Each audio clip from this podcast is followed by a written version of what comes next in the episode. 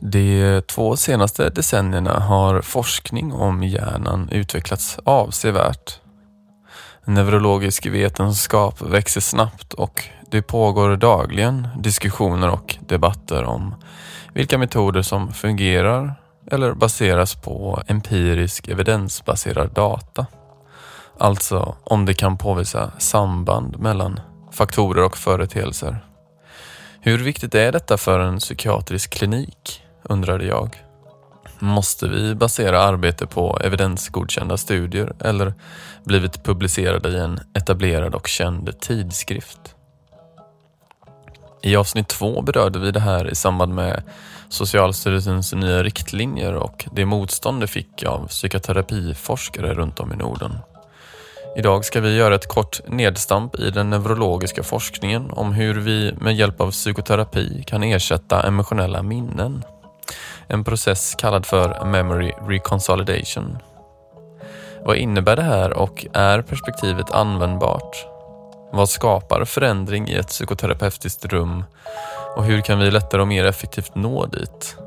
Måste vi ha evidensbaserad forskning för att bedriva god psykiatri? Ur det kommer vi samtala med Karina Håkansson som på 80-talet startade Familjevårdsstiftelsen i Göteborg. Det utvecklades till ett oberoende psykiatriskt system som ett kliniskt alternativ. Idag kallar de verksamheten för det utvidgade terapirummet. Hur ser Karina och hennes medarbetare på denna forskning och de här frågorna? Och hur ser Karina och hennes medarbetare på allmänpsykiatrin och hur god psykiatri bör bedrivas? Det är dags för dagens essä.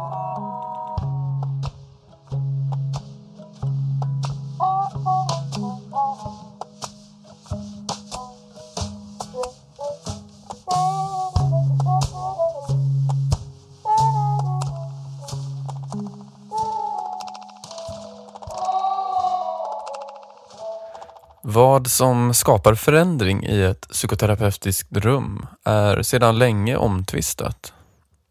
Vi kommer utgå från en relativt färsk artikel som berör detta. Den är skriven av fyra amerikanska forskare i psykiatri och psykologi. Namnen finns postade nedanför avsnittet. Med hjälp av ny neurologisk forskning presenterar det en modell av det mänskliga minnet som teoretiskt ramar in det som sker när vi binder nya emotionella erfarenheter.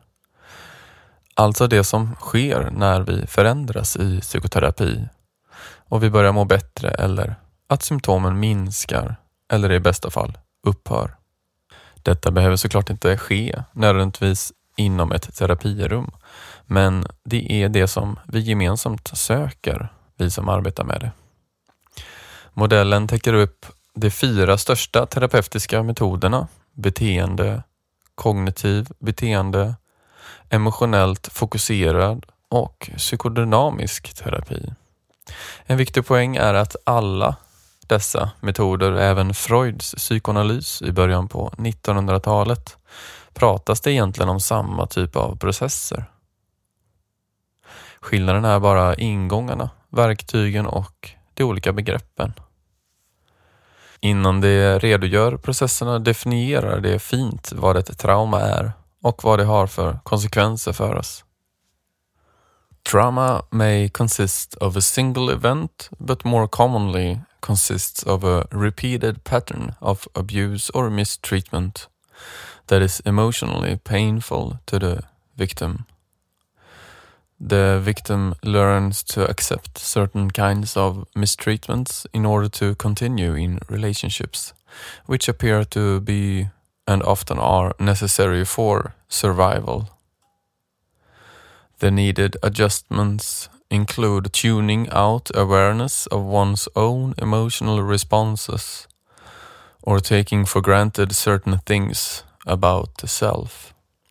Later in life, related situations are interpreted implicitly based on implicit learning that occurred from these experiences.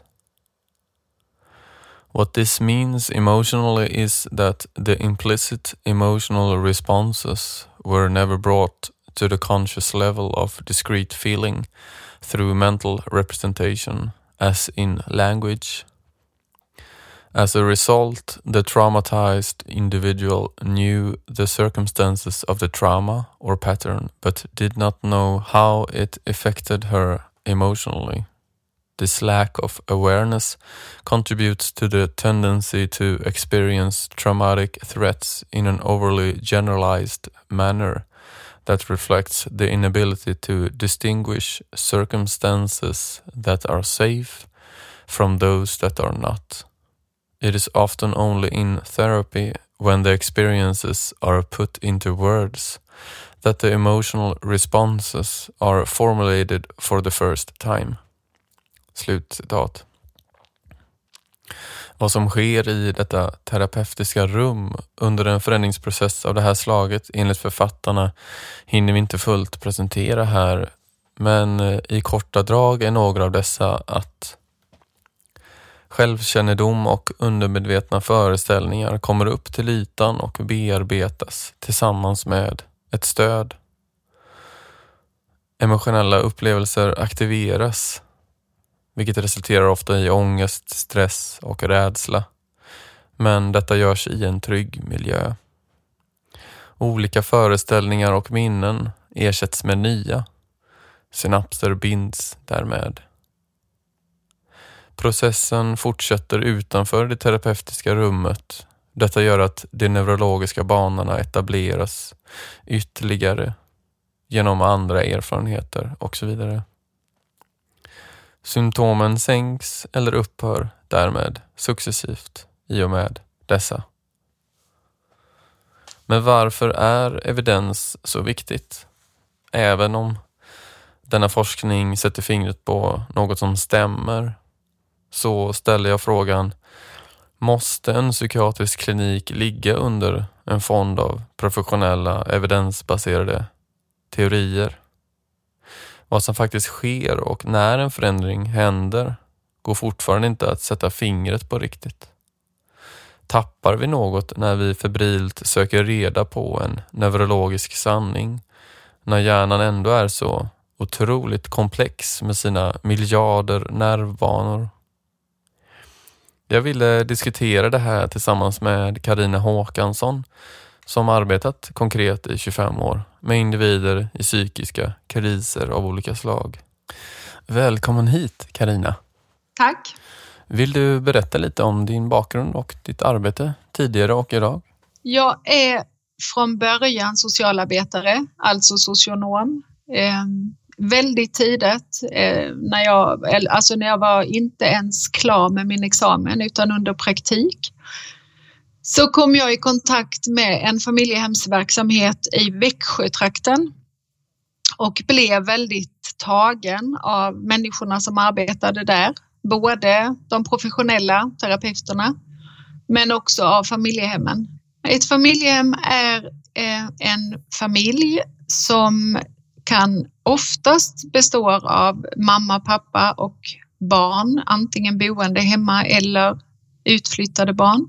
Men det kan också bestå av en ensamstående förälder. Ehm, och ehm, det är eh, alltså en vanlig familj på det sättet att det inte är en, en vårdprofessionellt utbildad familj utan en familj som eh, har sin identitet i någonting annat, som lever av någonting annat. Eh, som i bästa fall har någon form av verksamhet eh, där den människa som kommer för att bo hos dem en tag i sitt liv också kan, kan vara del och bidra eh, på olika sätt. Ehm, det, när vi startade så var det ganska självklart att, att det var ganska lätt att hitta familjehem med egen verksamhet. Det är svårare idag eh, av en rad olika skäl. Men helst ska det vara det. Det ska vara helst en familj som är hyfsat eller helst såklart väl förankrad i bygden så att den människa som kommer för att bo hos dem eh, på ett ganska självklart sätt också kommer in i deras sammanhang och med de människor och det som finns omkring dem ja, sen har nog allt jag gjort efter det egentligen varit en utveckling av det eller en eh, fortsättning på det. Eh, och det jag blev väldigt tagen av var framförallt att de människor som kom och bodde ett tag i familjehem i den verksamheten eh, så många utav dem ganska i grunden, eh, liksom vad ska jag säga, lyckades med eller klarade eller ville ändra saker i sitt liv som man inte hade förmått att göra i kontakt med den mer eh, professionella vården. Ehm, jag tyckte väldigt mycket om att, att träffa familjehemmen och som alltid där eh, handlade om att möta dem liksom i sin vardag, i deras kök som oftast, men ibland också ute liksom i, i laggården rent bokstavligt eller eh, Ehm, så att där började min bana och sen efter ett kortare tags arbete där så flyttade jag till Göteborg och jobbade några år inom en kommunal eh, verksamhet som var i projektform som också handlade om eh, att, att försöka få ihop familjehemmens eh, kunskap med en mer professionell kunskap. Eh, jag var där i tre år tror jag och tyckte också väldigt mycket om det jobbet och de människorna jag mötte där och så, men hade kanske lite, det blev allt svårare däremot att försöka anpassa eh, innehållet i den verksamheten till de ganska stelbenta förutsättningar och ramar som fanns på något sätt. Så att i en, en eh, affekt nästan tror jag faktiskt så bestämde jag mig för att eh, tillsammans med några familjehem och en kollega som jag hade på den tiden att vi skulle försöka starta en egen verksamhet i stiftelseform istället. För på den tiden kunde man söka pengar från socialdepartementet eh, för att bygga upp någon verksamhet som, som skulle utgå ifrån familjehem och deras vardagskunskap Eh, som jag inte är säker på att man kallade det då, men som jag kallar det nu. Eh, tillsammans med professionella människor. Då. Och så startade Familjevårdsstiftelsen ehm, och där jobbade jag i 25 år lite drygt ehm, och var med och byggde upp den verksamheten från en, en liten sådan med från början tre familjehem och vi var två socionomer och Ehm, till när jag lämnade för drygt ett år sedan så är det ju en verksamhet med betydligt, som är betydligt större så att säga, med många fler familjehem och men som också under i alla fall de senaste tio åren eh, i, i väldigt hög grad hade vuxit ur sina ändamål eller vad ska jag säga. För när vi startade så kunde i alla fall inte jag och jag tror inte någon av oss liksom kunde förutse att det skulle hända så himla mycket som det gjorde. Ehm, så att när vi skrev eh, ändamålsstadgan som en stiftelse så att säga måste utgå ifrån så handlade den om att, att arbeta med vuxna människor med, med sammansatta problem. Ehm, och i många år tillbaka på Familjevårdsstiftelsen så blev arbetet bestående av väldigt många andra delar än familjehemsarbete. Eh, så för att göra en väldigt lång och delvis smärtsam process väldigt kort just nu så säger jag bara att, att det ledde till att eh, den här verksamheten där jag arbetar nu på stiftelsen Utvidgade terapirummet eh, bildades 2015 som är någon, en form av ja, en utveckling och en fördjupning av, av det jobbet. Eller utav erfarenheter därifrån. Och rent, rent faktiskt så har ju arbetet handlat väldigt mycket konkret om att möta människor, både som det var från början enbart vuxna människor, men som med åren också kommer att innefatta eh, unga människor men också barn eh, tillsammans med sina föräldrar som oftast. Och om man ska beskriva någonting som är gemensamt för alla de människorna så är det ju att de, de sökte upp vår verksamhet och jag träffade dem utifrån att eh, det fanns saker i livet som var allt för svårt för dem att, att hantera själva så att säga. Eh, människor som, ja, men alltså människor som de flesta utav dem hade under lång tid eller en kortare tid varit i kontakt med psykiatri eller på behandlingshem eller på fängelse eller så. Ehm, nästan alla människor som jag har jobbat med genom åren har ju haft, när vi har träffats första gången, en eller två eller flera stycken psykiatriska diagnoser och genomgått en rad utredningar och blivit bedömda och, och så. Ehm, så att det är ju människor som har, eh, i alla fall på pappret, ehm, stora och komplexa liv liksom, eller livsomständigheter. Så kan man säga tror jag. Sen har jag ju också de senaste Alltså jag har ju också hållit på med forskning och skrivit min avhandling och mycket undervisning och föreläsning och, och allt det där. Men, men min praxis har handlat om, eh, har, har liksom ganska uteslutande handlat om att träffa människor som jag just nu väldigt enkelt försöker beskriva. Så, så det som startades 2015 vad skiljer det från eh, det tidigare familjevårdsarbetet? Ja, rent, rent faktiskt så det som skiljer sig är att vi nu eh, bara har några familjehem som vi eh, samarbetar med. Därför att vår uppgift i den här nya verksamheten är, är vidare än, än den som fanns var på familjevårdsstiftelsen. Vi eh, vi träffar väldigt många människor som, som kommer till oss utan att vilja eller behöva så att säga bo i familjehem. Eh, människor som kommer för de flesta som tar kontakt med oss gör det för att de har hört att vi inte använder oss av, av psykiatriska diagnoser, eh, vare sig när vi pratar om eller med de människor vi träffar. Eh, det är också väldigt många som vänder sig till oss för att de har hört att vi har att i vår verksamhet finns en lång erfarenhet av att det är möjligt att trappa ner eller helt och hållet ta bort sin psykofarmaka eller att inte överhuvudtaget, vilket jag skulle kanske mest rekommendera att inte börja med det överhuvudtaget.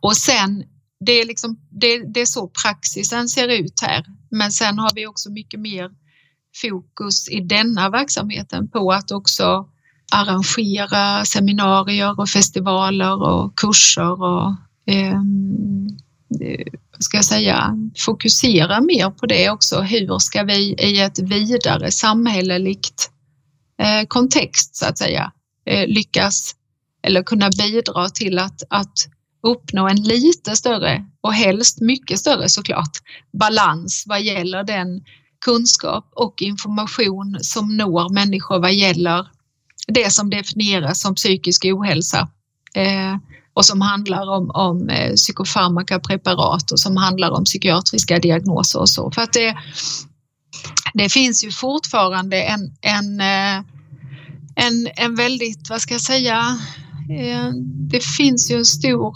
brist på rent faktisk kunskap eller, eller information om vad till exempel de här begreppen som eh, ADHD eller bipolär eller schizofreni eller så, vad det, vad det faktiskt innebär för någonting. Och det, ja, men det vet ju du också, tänker jag, att, att eh, det, går ju inte, det går ju nästan inte att sätta på tvn eller att titta i en tidning utan att dagligdags eh, läsa om beskrivet någonting som om det vore en självklar sanning.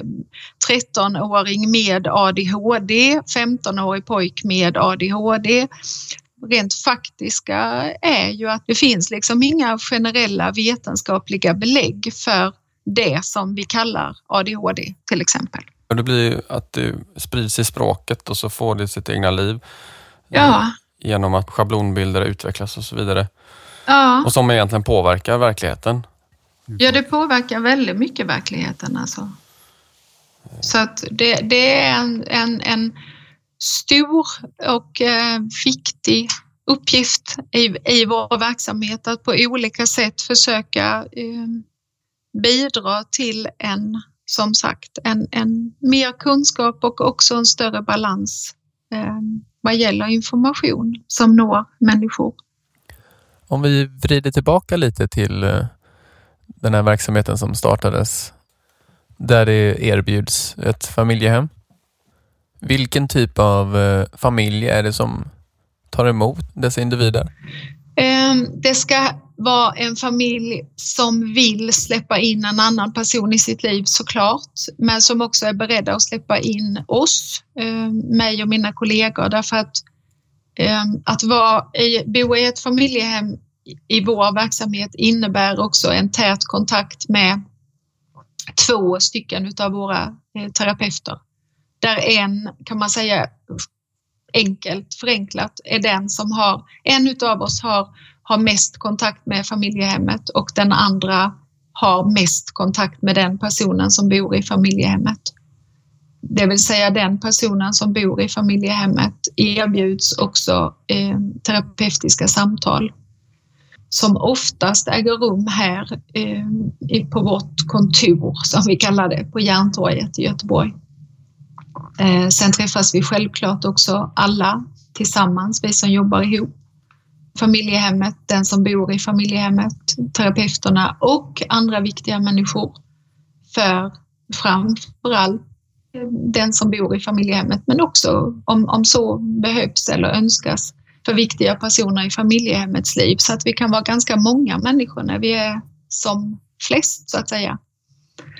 Det behöver inte vara en familj som har erfarenhet av psykisk ohälsa eller missbruk eller så, men, men det behöver vara en familj som är öppen för att försöka tillsammans med andra människor eh, förstå någonting om vad det är som händer och framförallt så behöver man vara öppen för att, att det här åtagandet, om jag kallar det så, också inbegriper en själv.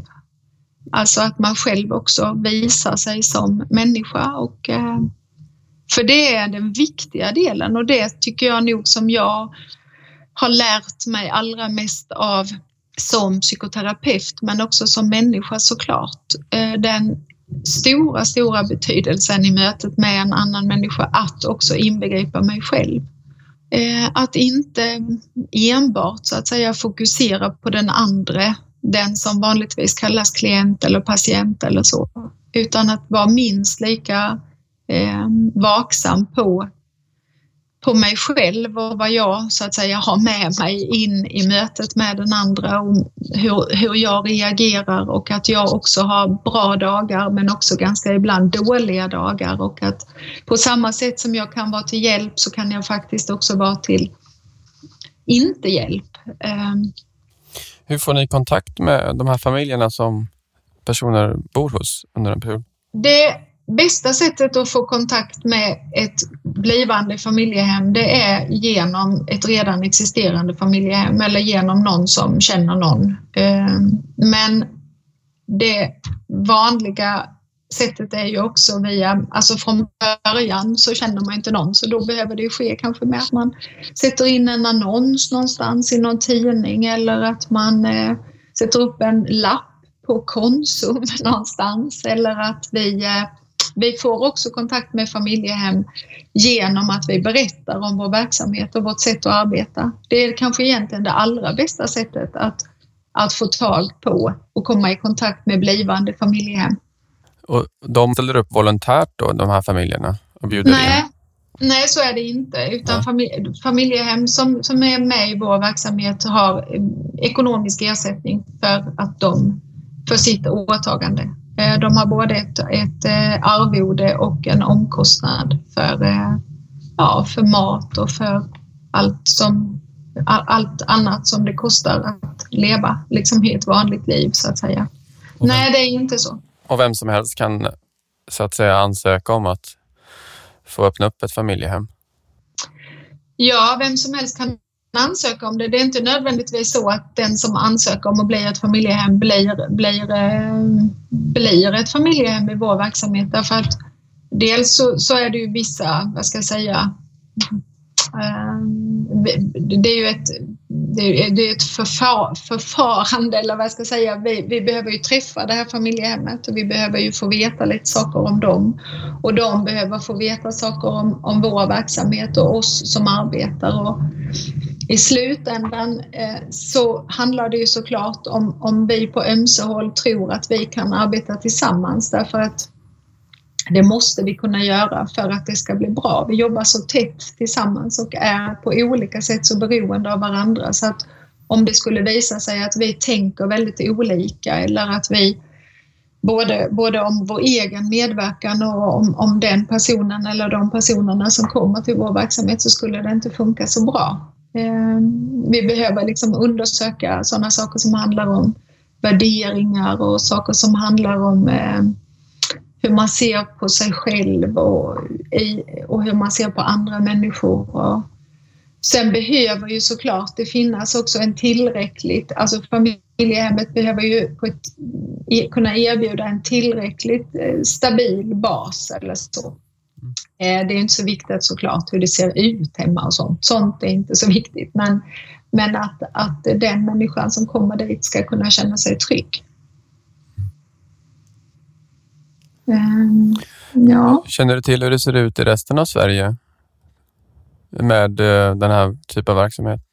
Nu, jag hoppas nu att jag har rätt i det jag säger. Eh, jag tycker att jag är så pass insatt att jag vet det, men, men med viss reservation för att det kan vara så att jag också har delvis fel. Så, så familjehemsvård överlag har ju blivit de senaste decennierna också allt mer, vad ska jag säga, tekniskt eller manualiserad eller så. Från början handlade ju, var det ju en viktig, en väsentlig ingrediens i familjehemsarbete var ju att man att det inte skulle vara så institutionaliserat utan, och att man också skulle att det, att, att det fanns också det fanns något betänkande och någon, någon också avhandling i slutet på 80-talet om att det var väldigt viktigt att inte familjehemsvård blev alltför professionaliserad. Liksom. Eh, men det tror jag att jag kan säga att väldigt mycket familjehemsvård har blivit. Eh, att det är många verksamheter som beskriver sig utifrån en specifik metod eller modell eller att man eh, och självklart, det, det, del, delvis beror väl det såklart på att det i, har, också har hänt, inte minst förr och, och dessvärre kanske också fortfarande, att det också sker eh, övergrepp och missförhållanden i familjehem.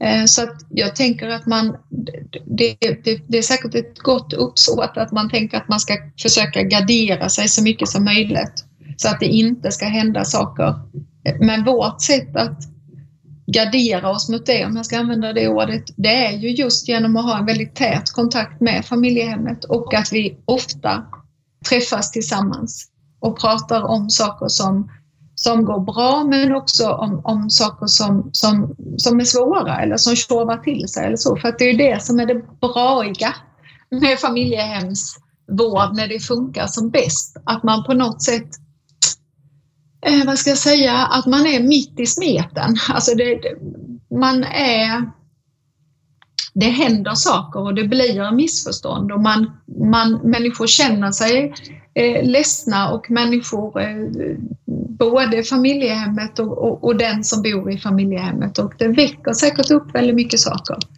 Eh, och där är det ju, det är ju där det är så oerhört viktigt att inte lämna människor ensamma i det, eller vad jag ska säga, utan att att det är där vi professionella behöver finnas för att skapa plats för och möjlighet till att prata om de här sakerna, både tillsammans men också enskilt var för sig.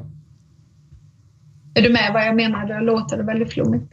Nej, jag, jag är med. Aha. Hur långa perioder brukar individerna bo i ett familjehem ungefär? Ja, förr så skulle jag ha sagt i minst ett år. Eh, men nu skulle jag nog säga att det också kan vara möjligt att bo i ett familjehem under en kortare tid. Jag tänker att det också är viktigt att det inte blir allt för lång tid. Eh, men det tänker jag nog överhuvudtaget i, i terapeutiskt arbete att det är viktigt att vara vaksam på att vi inte i allt för hög grad medverkar till att eh, kronifiera klienter så att också kunna dra sig ur det och tänka att nej men nu, nu behövs inte vi längre. Det den här unga människan behöver, det är en familj och bo till han eller hon kan flytta till eget liv. Ja, tid tycker jag är viktigt. Ja, tid är viktigt. I, i de här processerna. Att det, finns det inte tid eller en tillit till att tid finns så skapar det, tror jag, en eh, osäkerhet. Och det med det, alltså det kan hända. Det har ju hänt att människor har kommit fem gånger och sen aldrig mer. Så det kan ju självklart vara så. Och, och som går ifrån och säger att det här var det bästa jag har gjort någonsin. Tack liksom. Ja, men då är det klienten som har valt det då? Ja, då är det klienten som har valt det. Mm. Skiljer det sig mot eh, fosterhem? Och i så fall hur? Ja, alltså familjehem är, tror jag, en, en, en modernare term av fosterhem. Ehm, men ehm, förhoppningsvis så, så äh, har vi väl ändå också kommit... Alltså det är mycket som är negativt förknippat med, med fosterhem. Å andra sidan, jag hörde en helt underbar beskrivning när Kjell, A, vad heter, inte Kjell Arland, Tom Arland eh, när han hade sitt sommarprogram, om det var i somras eller förra sommaren, när han beskrev de liksom, livsavgörande åren som han bodde i ett, i ett fosterhem, som ju han kallade det. Eh, och när han beskrev det, då tänkte jag så här, nej men det, här, det han beskriver nu, det är när familjevård 2017 är som allra bäst. Liksom.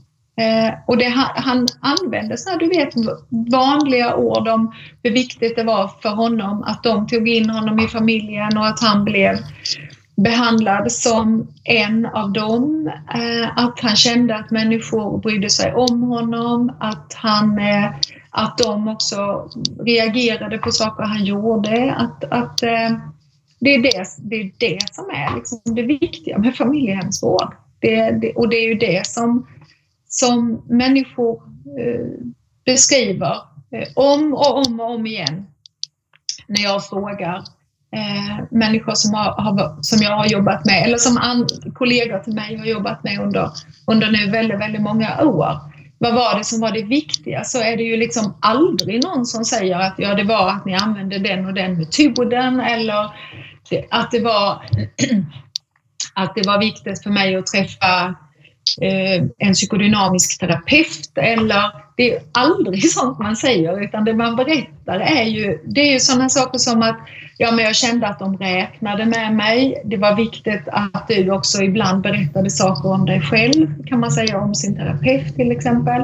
Eller att man säger att jag kommer ihåg den gången han blev jättearg på mig för att jag och så berättar den här personen någonting som hade hänt och hur viktigt det var att känna att, att han faktiskt, familjehemspappan i det här fallet, eh, brydde sig liksom och, och reagerade och också visade inte så himla trevliga sidor av sig själv. Eh, betydelsen av den andra människans närvaro på ett eller annat sätt. Mm. Ja, det var ju passande för nästa mm. fråga var just det. Eh, vad är det som eh, gör att en människa förändras och växer i de här processerna? Ja, och då tänker du i terapeutiskt arbete, eller? Jag tänker egentligen överhuvudtaget, alltså när en människa söker en organisation för hjälp.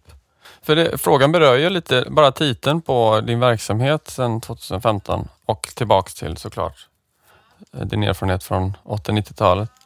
Eh, eh, det är ju någonting annat som du egentligen pekar på också innan jag ställde den, som är viktigt och som spelar roll för människor. Alltså jag tror ju, och jag tror det mer och mer ju äldre jag blir, även om jag alltid har trott på det. Eh, jag tänker att det som är viktigt är upplevelsen av att bli mött av en annan människa. Mm.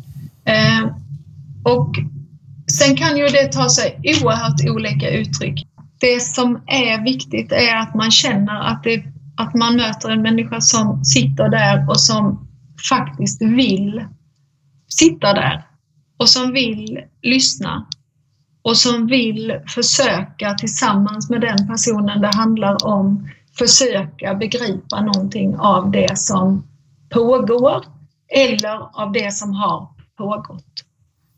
Till exempel genom att inte gardera upp sig med ett frågeformulär som man börjar med direkt.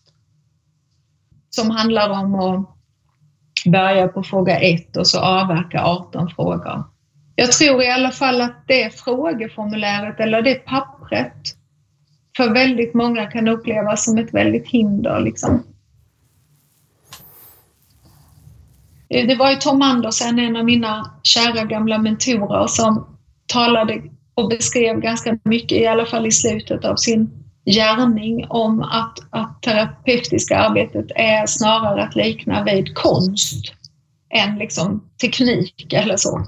Det kanske är så på något sätt, att, att det också finns delar i det vi gör som inte riktigt uh, som, som i alla fall är svårt att beskriva.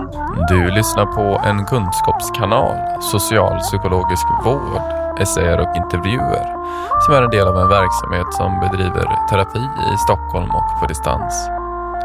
Du hittar mer information på hemsidan www.socialpsykologiskvärld.se. I detta avsnitt diskuterar vi evidensbaserad psykiatri tillsammans med Karina Håkansson hon startade Familjevårdsstiftelsen i Göteborg på 80-90-talet och eh, har i 20-30 år arbetat med människor i psykisk kris. För två år sedan startade hon ur det något som hon kallar för det utvidgade terapirummet, som är en utveckling ur det. Intervjun fortsätter om en stund.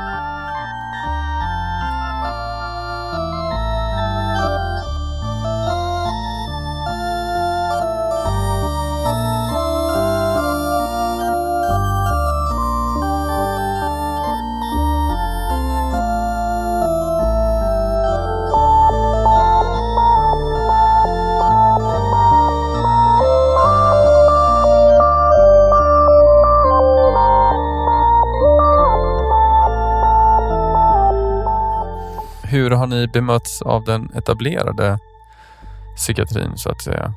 Etablissemanget? Ja, mina värsta dagar, då tänker jag så här, det är att då, då kan jag verkligen känna sådär, nej, att liksom fortfarande behöva eh, kämpa för på något sätt. Eh, att att eh, no, någon form utav berättigande för en verksamhet och ett sätt att arbeta som jag vet har den absolut största betydelse för väldigt många människor.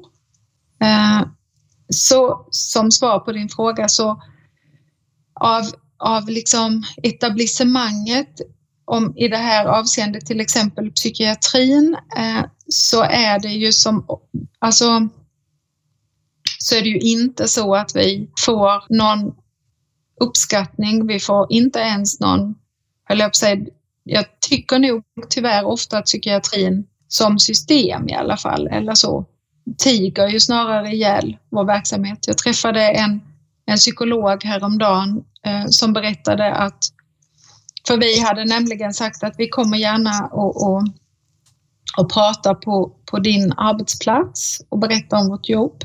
Eh, och det gör vi som en del i vårt arbete så det kostar inga pengar eller så. Eh, men som hade sagt att nej, det, det var liksom inte intressant. Eh, det finns, tycker jag, inte bara gentemot vår verksamhet utan det som det vi står för och som ju många andra människor också står för, eh, att det finns, det tigs ju ihjäl snarare på något sätt. För en sak vore ju om, att, om man åtminstone skulle kunna prata om det och skulle kunna diskutera det eller debattera det. Men det vanliga är ju snarast att, att, det, att det mer istället tigs ihjäl. Liksom. Då hade man kunnat komma fram till någonting? Ja, då hade man kunnat komma fram till någonting. Sen det som är det positiva då, för det finns ju såklart, det är ju framförallt återigen, det är ju det är ju alla de nu tusentals människor eh, som jag på ett eller annat sätt har mött eller möter i, i mitt arbete både som praktiker och som forskare på olika sätt bekräftar att det är viktigt det vi gör och det vi, det vi står för. Eh, framförallt genom att berätta om att deras liv på ett påtagligt sätt har har kunnat ändra sig men, men också att märka hur det sakta men säkert ändå sipprar in liksom i, i, i både i, i, i undervisningssituationer eller i sen framför allt det som vi har gjort allt mer också de senaste åren, det är ju att också utvidga vårt arbete och vårt kontaktnät utanför psykiatri och utanför Eh, psykoterapeuter och så och att också söka, eh, vad ska jag säga, söka andra människor på andra ställen. Till exempel, alltså, vi ska ha nu till hösten ett, ett spännande samarbetsprojekt med vad heter det, det som tidigare hette Scenskolan och som nu heter Stockholms konstnärliga dramatiska institut med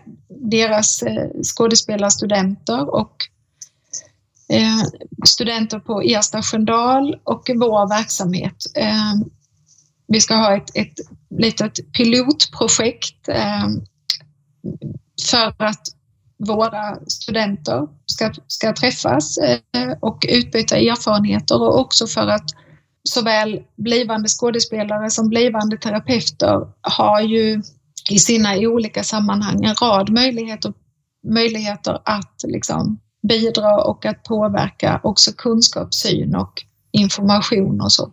Psykiatrin som system tror ju inte jag på. Alltså jag, jag tänker att det är när människor är i nöd och i djupaste kris så är det andra saker eh, och andra verksamheter som skulle vara betydligt bättre rustade att möta upp än en, en biologiskt dominerad psykiatrisk institution. Mm. De har det ju lite jobbigt också när jag läser ja. om allmän psykiatri och så. Ja, de har det väldigt jobbigt. Så det, det borde finnas intresse av eh, andra perspektiv då. Men den här tystnaden, var, ni får inget svar bara då när ni visar intresse av att eh, Nej, vi får faktiskt inte ens några svar. Och jag menar, jag, hade ju Barbro Sandin också som min handledare i många år och, och, när hon och jag pratar om, om det här ibland så, så, så alltså när jag beskriver mina erfarenheter nu 2017 så säger hon, ja men det var ju precis så det var i slutet på 70-talet när hon började sitt arbete på Säters sjukhus. Och så brukar hon tillägga, fast det är ännu värre nu.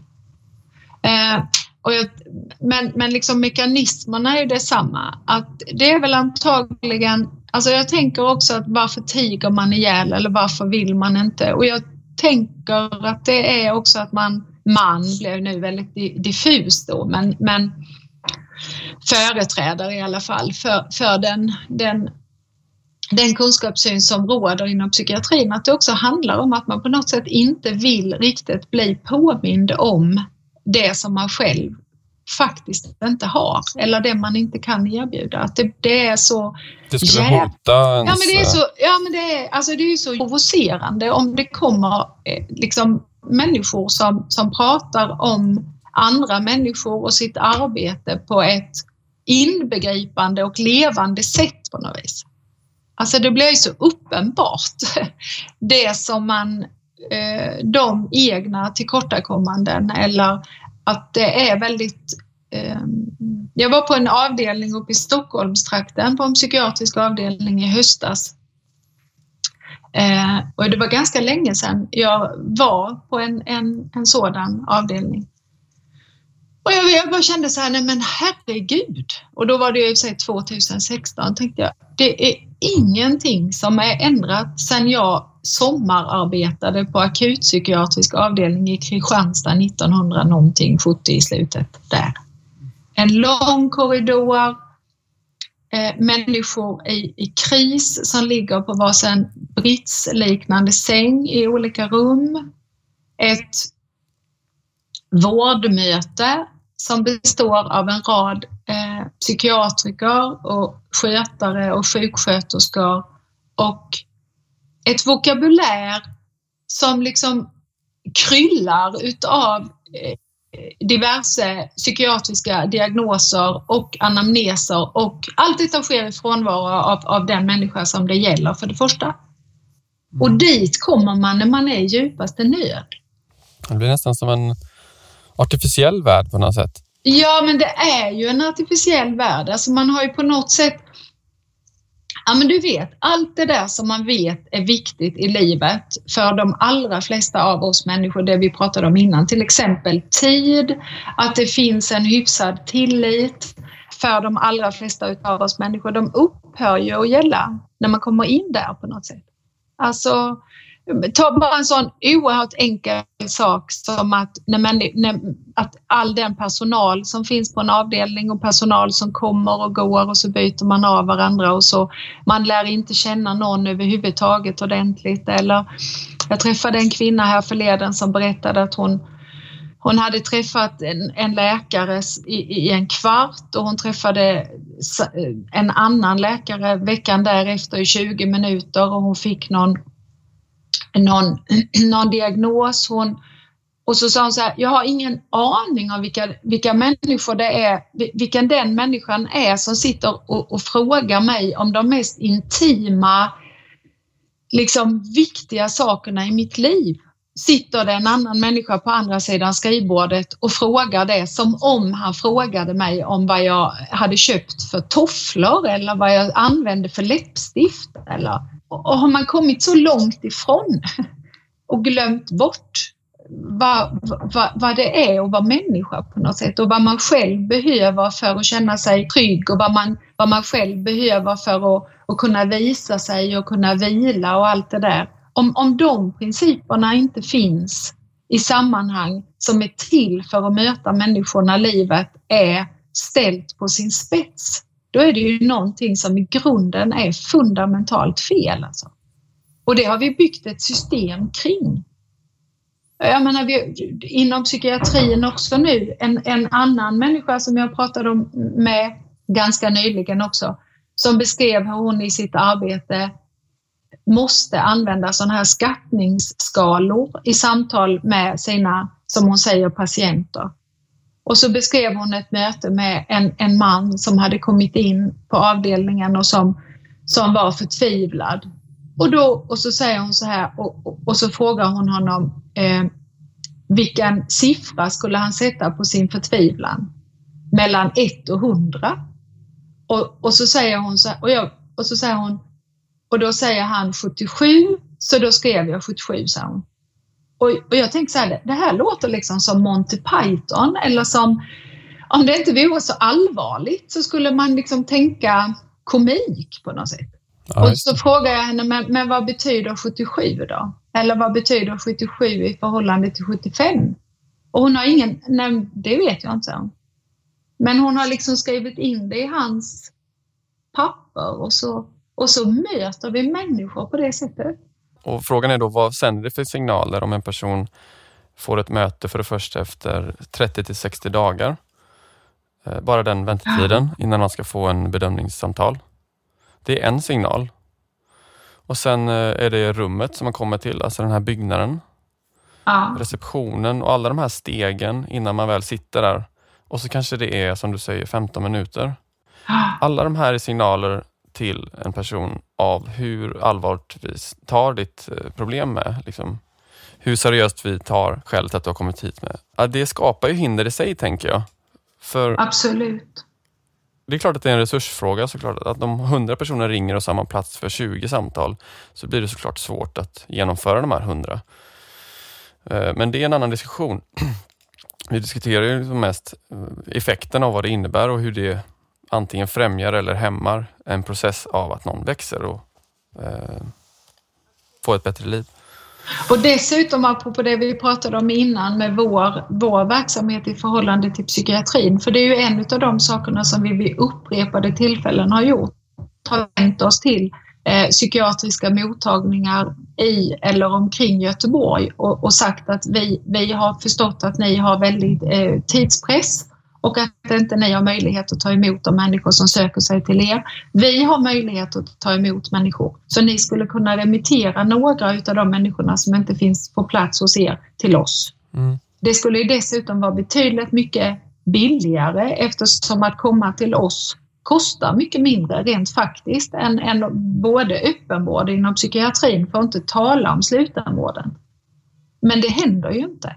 För det hade ju funnits möjligheter. Det finns ju, skulle jag tro, många verksamheter liknande vår som skulle också kunna säga detsamma, som skulle kunna erbjuda samma sak till psykiatrin. Att, att eh, avlasta en del av de människor som, som eh, så att säga söker sig dit. Om man kan lyssna till andra verksamheter och ta till sig av varandras styrkor och svagheter så det väl vore konstigt om det inte skulle bli till det bättre på ett plan. Absolut. Ja, det är en svår fråga att svara på varför får den här tystnaden, men det kanske får bli ett annat program. Jag, nej, jag vet verkligen inte det, men det är nog ett annat program, ja. Jag vet verkligen inte det. Jag, eh... Då bokar vi in ett datum för det då. ja, ja nej, men det är en annan, för det, det, nej, det, vi, vi fick faktiskt en, vi fick en förfrågan ifrån psykiatrin i Stockholm för drygt ett år sedan eh, och efter ganska många turer men ändå så, så eh, upprättades ett samarbetsavtal mellan social och psykiatri eh, som blev gemensamma remittenter till oss. Så att det finns ju ett, eh, eh det finns små ljus i mörkret och det har också förekommit, men det var när jag jobbade på Familjevårdsstiftelsen, att psykiatrin här i Göteborg eh, remitterade. Men jag tror att delar av att det är så svårt är ju också att vi Dels att vi inte liksom platsar kring det här kring, kring diagnostiska liksom, med diagnoser och att vi också är så öppet kritiska mot psykofarmaka. Eh, men jag, så att jag kan, jag kan ur deras också perspektiv se att det är klart att jag kan också se att man att de är väldigt, att man är skeptisk. Liksom. Det tycker jag egentligen inte är så himla konstigt. Jag skulle önska att det inte var så, men det, eh, så en glädjande sak nu är detta då. Så vi ska ju som sagt ha vår första kurs i, som startar imorgon. Eh, det är ju inte vår verksamhet som ska ha den, men det är International Institute for Psychiatric Drug Withdrawal. Jag är en av grundarna för institutet så att, och kommer också vara en av lärarna på kursen. Mm. Och det kommer hit eh, deltagare från nio olika länder, varav många av dem är psykiatriker. Också faktiskt från Sverige, så det är väldigt, väldigt, väldigt roligt till och med. Mm. Det känns som en sån där yes! Liksom. eh, så ja, kul. Att, eh, ja, det är jätteroligt verkligen alltså. Och det är Göteborg den kommer hållas? Den kommer hållas här i Göteborg på Järntorget, ja. Dock inte en endaste en ifrån Göteborg kommer det är tråkigt. Det kommer människor från Stockholm och ifrån eh, Kalmar och eh, nere i Skåne, eh, men inte någon från Göteborg. Och sen kommer det människor från Israel och England, Irland, Rumänien, Frankrike. Eh, syftet med kursen är att, eh, att förmedla erfarenhet och kunskap till de som kommer hit så att de sen i sina respektive sammanhang eh, ska kunna ge support och stöd och hjälp till människor som vill trappa ner eller helt och hållet ta bort sin psykofarmaka. Så det är liksom en eh, sån här, du vet, ringar på vattnet rörelse som vi startar med detta. Så det är kul. Ja, lycka till med det. Tack. Ha, känner du för att runda av då? Ja, det kan vi. Tack för att du ville vara med Karina. Tack snälla du mm. och lycka till med dina program och ditt, eh, din mission. Tack så hörs vi hoppas jag. Ha det så bra. Tack snälla. Tack själv. Hej då. Hej då.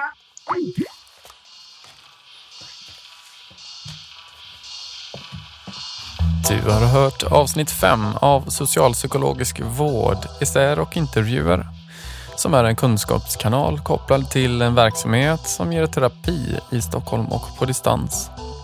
Nästa vecka möter vi Simon Seder från Relationsinstitutet i Göteborg och Malmö där vi utifrån deras gemensamma syn vrider och vänder på relation och ensamhet. Välkommen att läsa mer på www.socialpsykologiskvard.se. Jag heter Gustav Lund. Tack för denna gång.